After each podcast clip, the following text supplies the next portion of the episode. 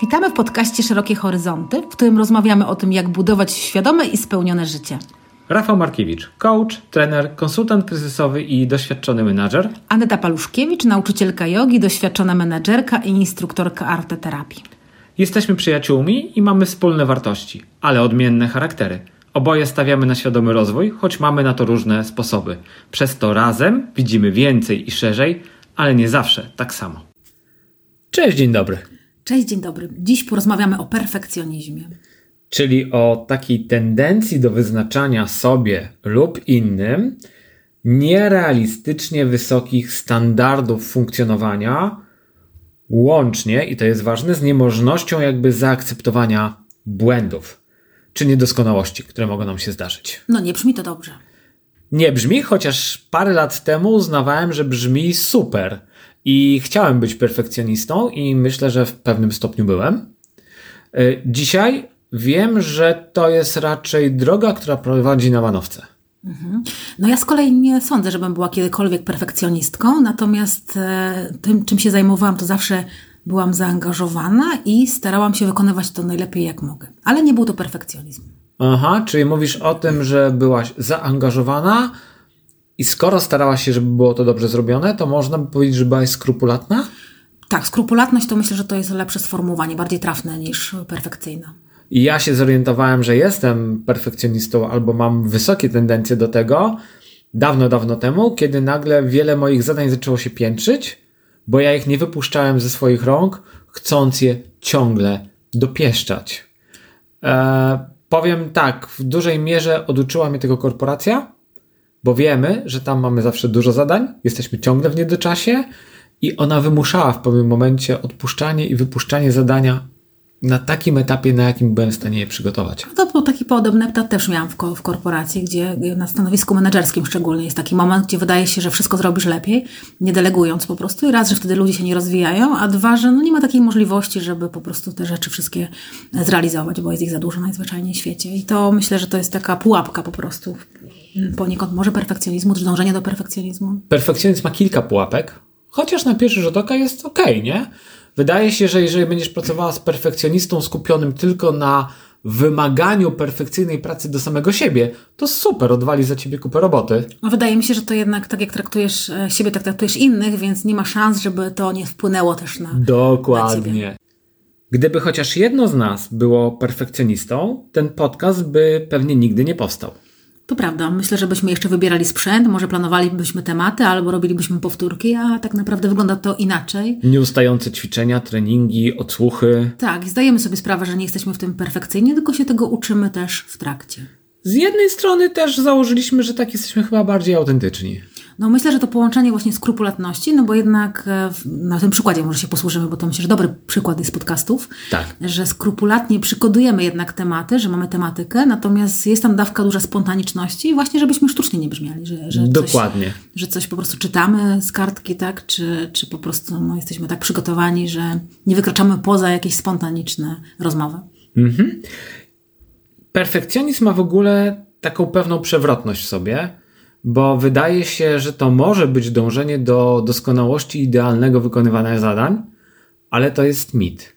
Perfekcjonizm zamiast skoncentrować się na super wykonaniu czegoś, koncentruje się na niepopełnianiu błędów. A to już jest mało realne. To jest mało realne, bo perfekcjonista bardzo często nie zauważa tego, jak dobrze robi, szczególnie wtedy, kiedy popełni nawet jeden najmniejszy błąd, bo skoncentruje się na tym błędzie i będzie się samobiczował za to, jak mógł do tego dopuścić. No myślę, że też może być wymówka, żeby pewnych działań nie wdrażać, dlatego że się będziesz przygotowywać tak do perfekcji, że tak naprawdę ucieknie ci temat celu tego czy, czy wdrożenia. Ja powiem więcej, perfekcjonista często nie podejmie się zadania trudnego albo skomplikowanego, ponieważ ono nie gwarantuje sukcesu. Sukcesu w rozumieniu niepopełnienia błędu. I bardzo często perfekcjoniści właśnie nie wykorzystują całego swojego potencjału, ponieważ skupiają się na tym, żeby błędu uniknąć. I ja znam taką jedną historię, nie do końca w tej chwili pamiętam, czy to chodziło o Toyota, ale wydaje mi się, że tak, gdzie na taśmie dział kontroli został ustawiony w ten sposób, że pracownicy działu kontroli dostawali wynagrodzenie, czy też premię od każdego wyłapanego błędu. Jak myślisz, jak to się mogło skończyć? Myślę, że dużo błędów było. Dokładnie, praktycznie prawie żaden samochód nie opuszczał fabryki. W momencie, kiedy zmieniono tą relację na to, że premia była wtedy, kiedy samochód przejdzie dział kontroli i opuści fabrykę, to w tym momencie y, samochody zaczęły wychodzić idealne, dlatego że dział kontroli nie tylko wyłapywał błędy, ale od razu kontaktował się z produkcją, jak je poprawić, i już na samym początku ta robota była wykonana właściwie. Tak? Ale zobacz, w tym momencie skoncentrowano się na tym, żeby skrupulatnie przygotowywać pojazd, a nie wyłapać błąd. No i myślę, taki wątek poboczny to jest e, korupcyjność systemów motywacyjnych, ale to już inny temat. Myślę, że to nie temat na dziś. E, tak, a czy widzisz jakieś atuty perfekcjonizmu? Bo my się, do, my się w sumie odnosimy w zasadzie do tej definicji, która sama w sobie powoduje, że. Nie, z góry jest negatywna. Tak, z góry jest nega, negatywny taki perfekcjonizm, ale widzisz jakiś atut? Bardzo bym chciał znaleźć jakiś, nawet czuję taką wewnętrzną potrzebę, żeby powiedzieć coś pozytywnego, ale muszę chyba z czystym sumieniem przyznać, że dzisiaj ciężko mi znaleźć jakiś atut bycia perfekcjonistą. No to w sumie ciekawe, bo byłeś perfekcjonistą, współpracowaliśmy i mi się dobrze z Tobą współpracowało. Pamiętaj jednak, że ja byłem tym takim świadomym perfekcjonistą, który na pewnym etapie, powie, bym powiedział, ten swój perfekcjonizm wyhamowywał, bo wiedział, że nie może przegiąć. Natomiast to, co ty widziałaś jako mój współpracownik, czy często co widzimy w pracy, w wykonywaniu zadań, to nie jest cały aspekt perfekcjonizmu. Bo jeszcze jest ważne to, co perfekcjonizm robi samym perfekcjonistą. Tak? Po pierwsze, on odpala mu taką obsesję na punkcie porządku i punktualności. E, często perfekcjoniści niechętnie korzystają z urlopów. Co więcej, twierdzą nawet, że wypoczynek nie jest im potrzebny, bo szybko się regenerują. Perfekcjoniście generalnie jest trudno się zrelaksować i on ciągle ma w głowie, jakieś zadania do wykonania. Czyli praktycznie on nigdy nie zejdzie z tego wewnętrznego napięcia, które w nim jest, bo kiedy zrobi jedno zadanie, natychmiast bierze drugie, bo przecież on jest tak perfekcyjny, że musi ciągle coś wykonywać i być ważny i istotny. Świetnym przykładem tego jest moje podejście do urlopów, jakie miałem kiedyś. To znaczy, wyjeżdżając na urlop, nie rozstawałem się praktycznie ze służbową komórką, a kiedy zadzwoniła, to wręcz byłem dumny, że jestem tak bardzo potrzebny, czyli tak ważny dla organizacji, że nawet w czasie urlopu muszę być na posterunku. Kiedyś wydawało mi się, że to była tylko moja jazda. Natomiast potem, kiedy pracowałem z moimi klientami, okazało się, że równie kilku klientów miało bardzo podobne przemyślenia. Co więcej, jeden z moich klientów nawet był dumny, że się mało nie zapracował w cudzysłowie na śmierć. No powiem Ci, te punkty, które wymieniłeś, obawiam się, że wskazują na to, że ja też miałam moment w swoim życiu korporacyjnym, że byłam perfekcjonistką. E, także, no niestety, ale chyba nie znaleźliśmy atutów e, tego perfekcjonizmu, definiowanego w ten sposób, jak na początku, żeśmy to określili w kontekście nierealności, e, ze względu chociażby na błędy, które po prostu w życiu popełniamy. Dokładnie, nawet kiedy masz nad nim kontrolę, powiedzmy, jesteś świadoma no, tego takie swojego... złudne jest ta kontrola. To masz kontrolę w wykonywaniu zadań, ale nie w swoim nastawieniu do, e, że tak powiem, życia czy też pracy. A z czego Twoim zdaniem wynika perfekcjonizm? No tutaj nie będę udawał, że jestem wielkim znawcą albo badaczem perfekcjonizmu. Zerknąłem sobie do literatury i z tego co widziałem, to mm, mówi się o tym, że osobami, których dotyczy perfekcjonizm, są osoby, które jako dzieci poddawane były non-stop druzgocącej i niesprawiedliwej krytyce. Predyspozycje do perfekcjonizmu mają też dzieci, których rodzice byli perfekcjonistami, więc zobacz kolejna negatywna rzecz perfekcjonizmu, cedujesz to trochę na swoje dzieci. E, także te dzieci, które nie otrzymywały od rodziców miłości bezinteresownie, tylko musiały na nią zasłużyć. No i jeszcze jedna ciekawostka predysponowani jakby do perfekcjonizmu są jedynacy. O, to się kwalifikuje. Aha, i pierworodni, to ja się kwalifikuję, mm, dlatego że przez całe dzieciństwo te dzieci musiały być przykładem dla młodszego rodzeństwa lub chlubą rodziców.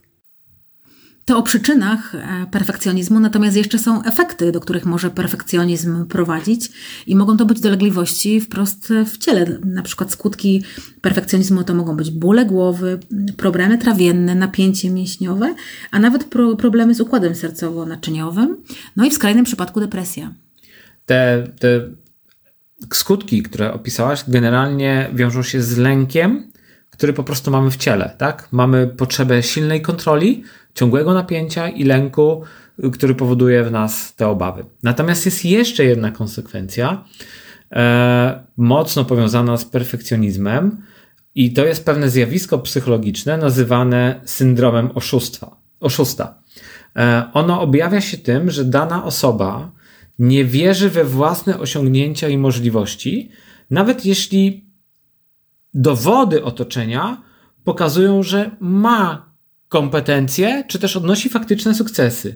I mimo, że te zewnętrzne pokazuje jej, że jest jakby uprawniona do tego, żeby odnosić sukcesy, ona jest przekonana, mm, że są one dziełem przypadku, wynikiem jakiejś znajomości e, albo łudu szczęścia, który się gdzieś tam pojawił po drodze.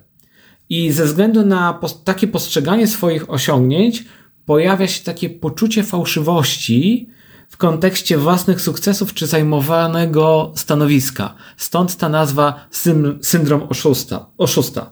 E, I takim jednym z przejawów tego syndromu jest ciągły lęk przed tym, że rzekomy brak kompetencji wyjdzie na jaw, że to odkryją. Co więcej, spotkałem się z badaniami, które były przeprowadzone w tak zwanym top managemencie, czyli wśród głównych prezesów czy członków zarządu zarządzającymi różnymi firmami, korporacjami i okazało się, że ten syndrom oszusta nie omija również osób na tych stanowiskach. I teraz wyobraź sobie, jak z takim syndromem, będąc na ciągłej ekspozycji społecznej, bo jesteś ciągle obserwowana przez pracowników, media, ludzi z zewnątrz, na jakim napięciu ci prezesi muszą funkcjonować. Mhm. Ja myślę, że to nie tylko w życiu zawodowym może być taki syndrom, tylko też w prywatnym, bo jest to związane z tego, co wnioskuję z poczuciem wartości. Dokładnie. Ja w ogóle myślę, bo rozmawialiśmy o tym też trochę przed nagraniem, że mm, na pewno mój perfekcjonizm, twój prawdopodobny perfekcjonizm dzisiaj bardzo mocno zależał na sile. I trochę żeśmy sobie dyskutowali, czy to jest kwestia wieku, czy może kwestia nabycia poczucia własnej wartości? Ja myślę, że wszystkie te elementy razem. Mianowicie raz, że poczucie wartości, dwa, że doświadczenie życiowe. Znaczenie ma też wiek, z którym nabieramy dystansu i umiejętności rozróżnienia tego, co jest dla nas istotne w życiu. No może już podsumujemy. No nie zachęcamy Was do perfekcjonizmu, bo nie znaleźliśmy za wiele atutów, szczególnie jeżeli on nie daje możliwości popełniania błędów. Natomiast promujemy i zachęcamy Was do skrupulatności i zaangażowania. No i też życzymy pasji w tym, co robicie. I tym razem nie mamy dla Was na koniec odcinka jakiegoś konkretnego zadania, ale za to inspirujący cytat, który zachęci Was, mamy nadzieję, do refleksji. Jego autorem jest Tomasz Michniewicz, znany podróżnik, dziennikarz, reportażysta, organizator wypraw i autor reportaży książkowych. Wyznaję zasadę good enough. Prawie wszystko, co robimy, może być zrobione na 100% możliwości albo na 65% możliwości. Zazwyczaj jakość wykonania na 65 i 100% tak bardzo się między sobą nie różni, a daje dużo więcej czasu i spokoju, a to, czego nam najbardziej brakuje w życiu, to czas. To jest wolna chwila, w której się możemy zatrzymać, pomyśleć, trochę się ponudzić, spojrzeć na sprawy z dystansu, zrobić coś, czego wcześniej nie robiliśmy. Najbardziej brakuje nam czasu, zwłaszcza w wielkomiejskim świecie. Jeśli więc chce się mniej i nie robi się wszystkiego na 120% swoich możliwości, to ten czas po prostu się pojawia. Dla mnie to jest zbawienne. Tym akcentem dziękujemy Wam serdecznie i do usłyszenia. Dziękujemy, do usłyszenia.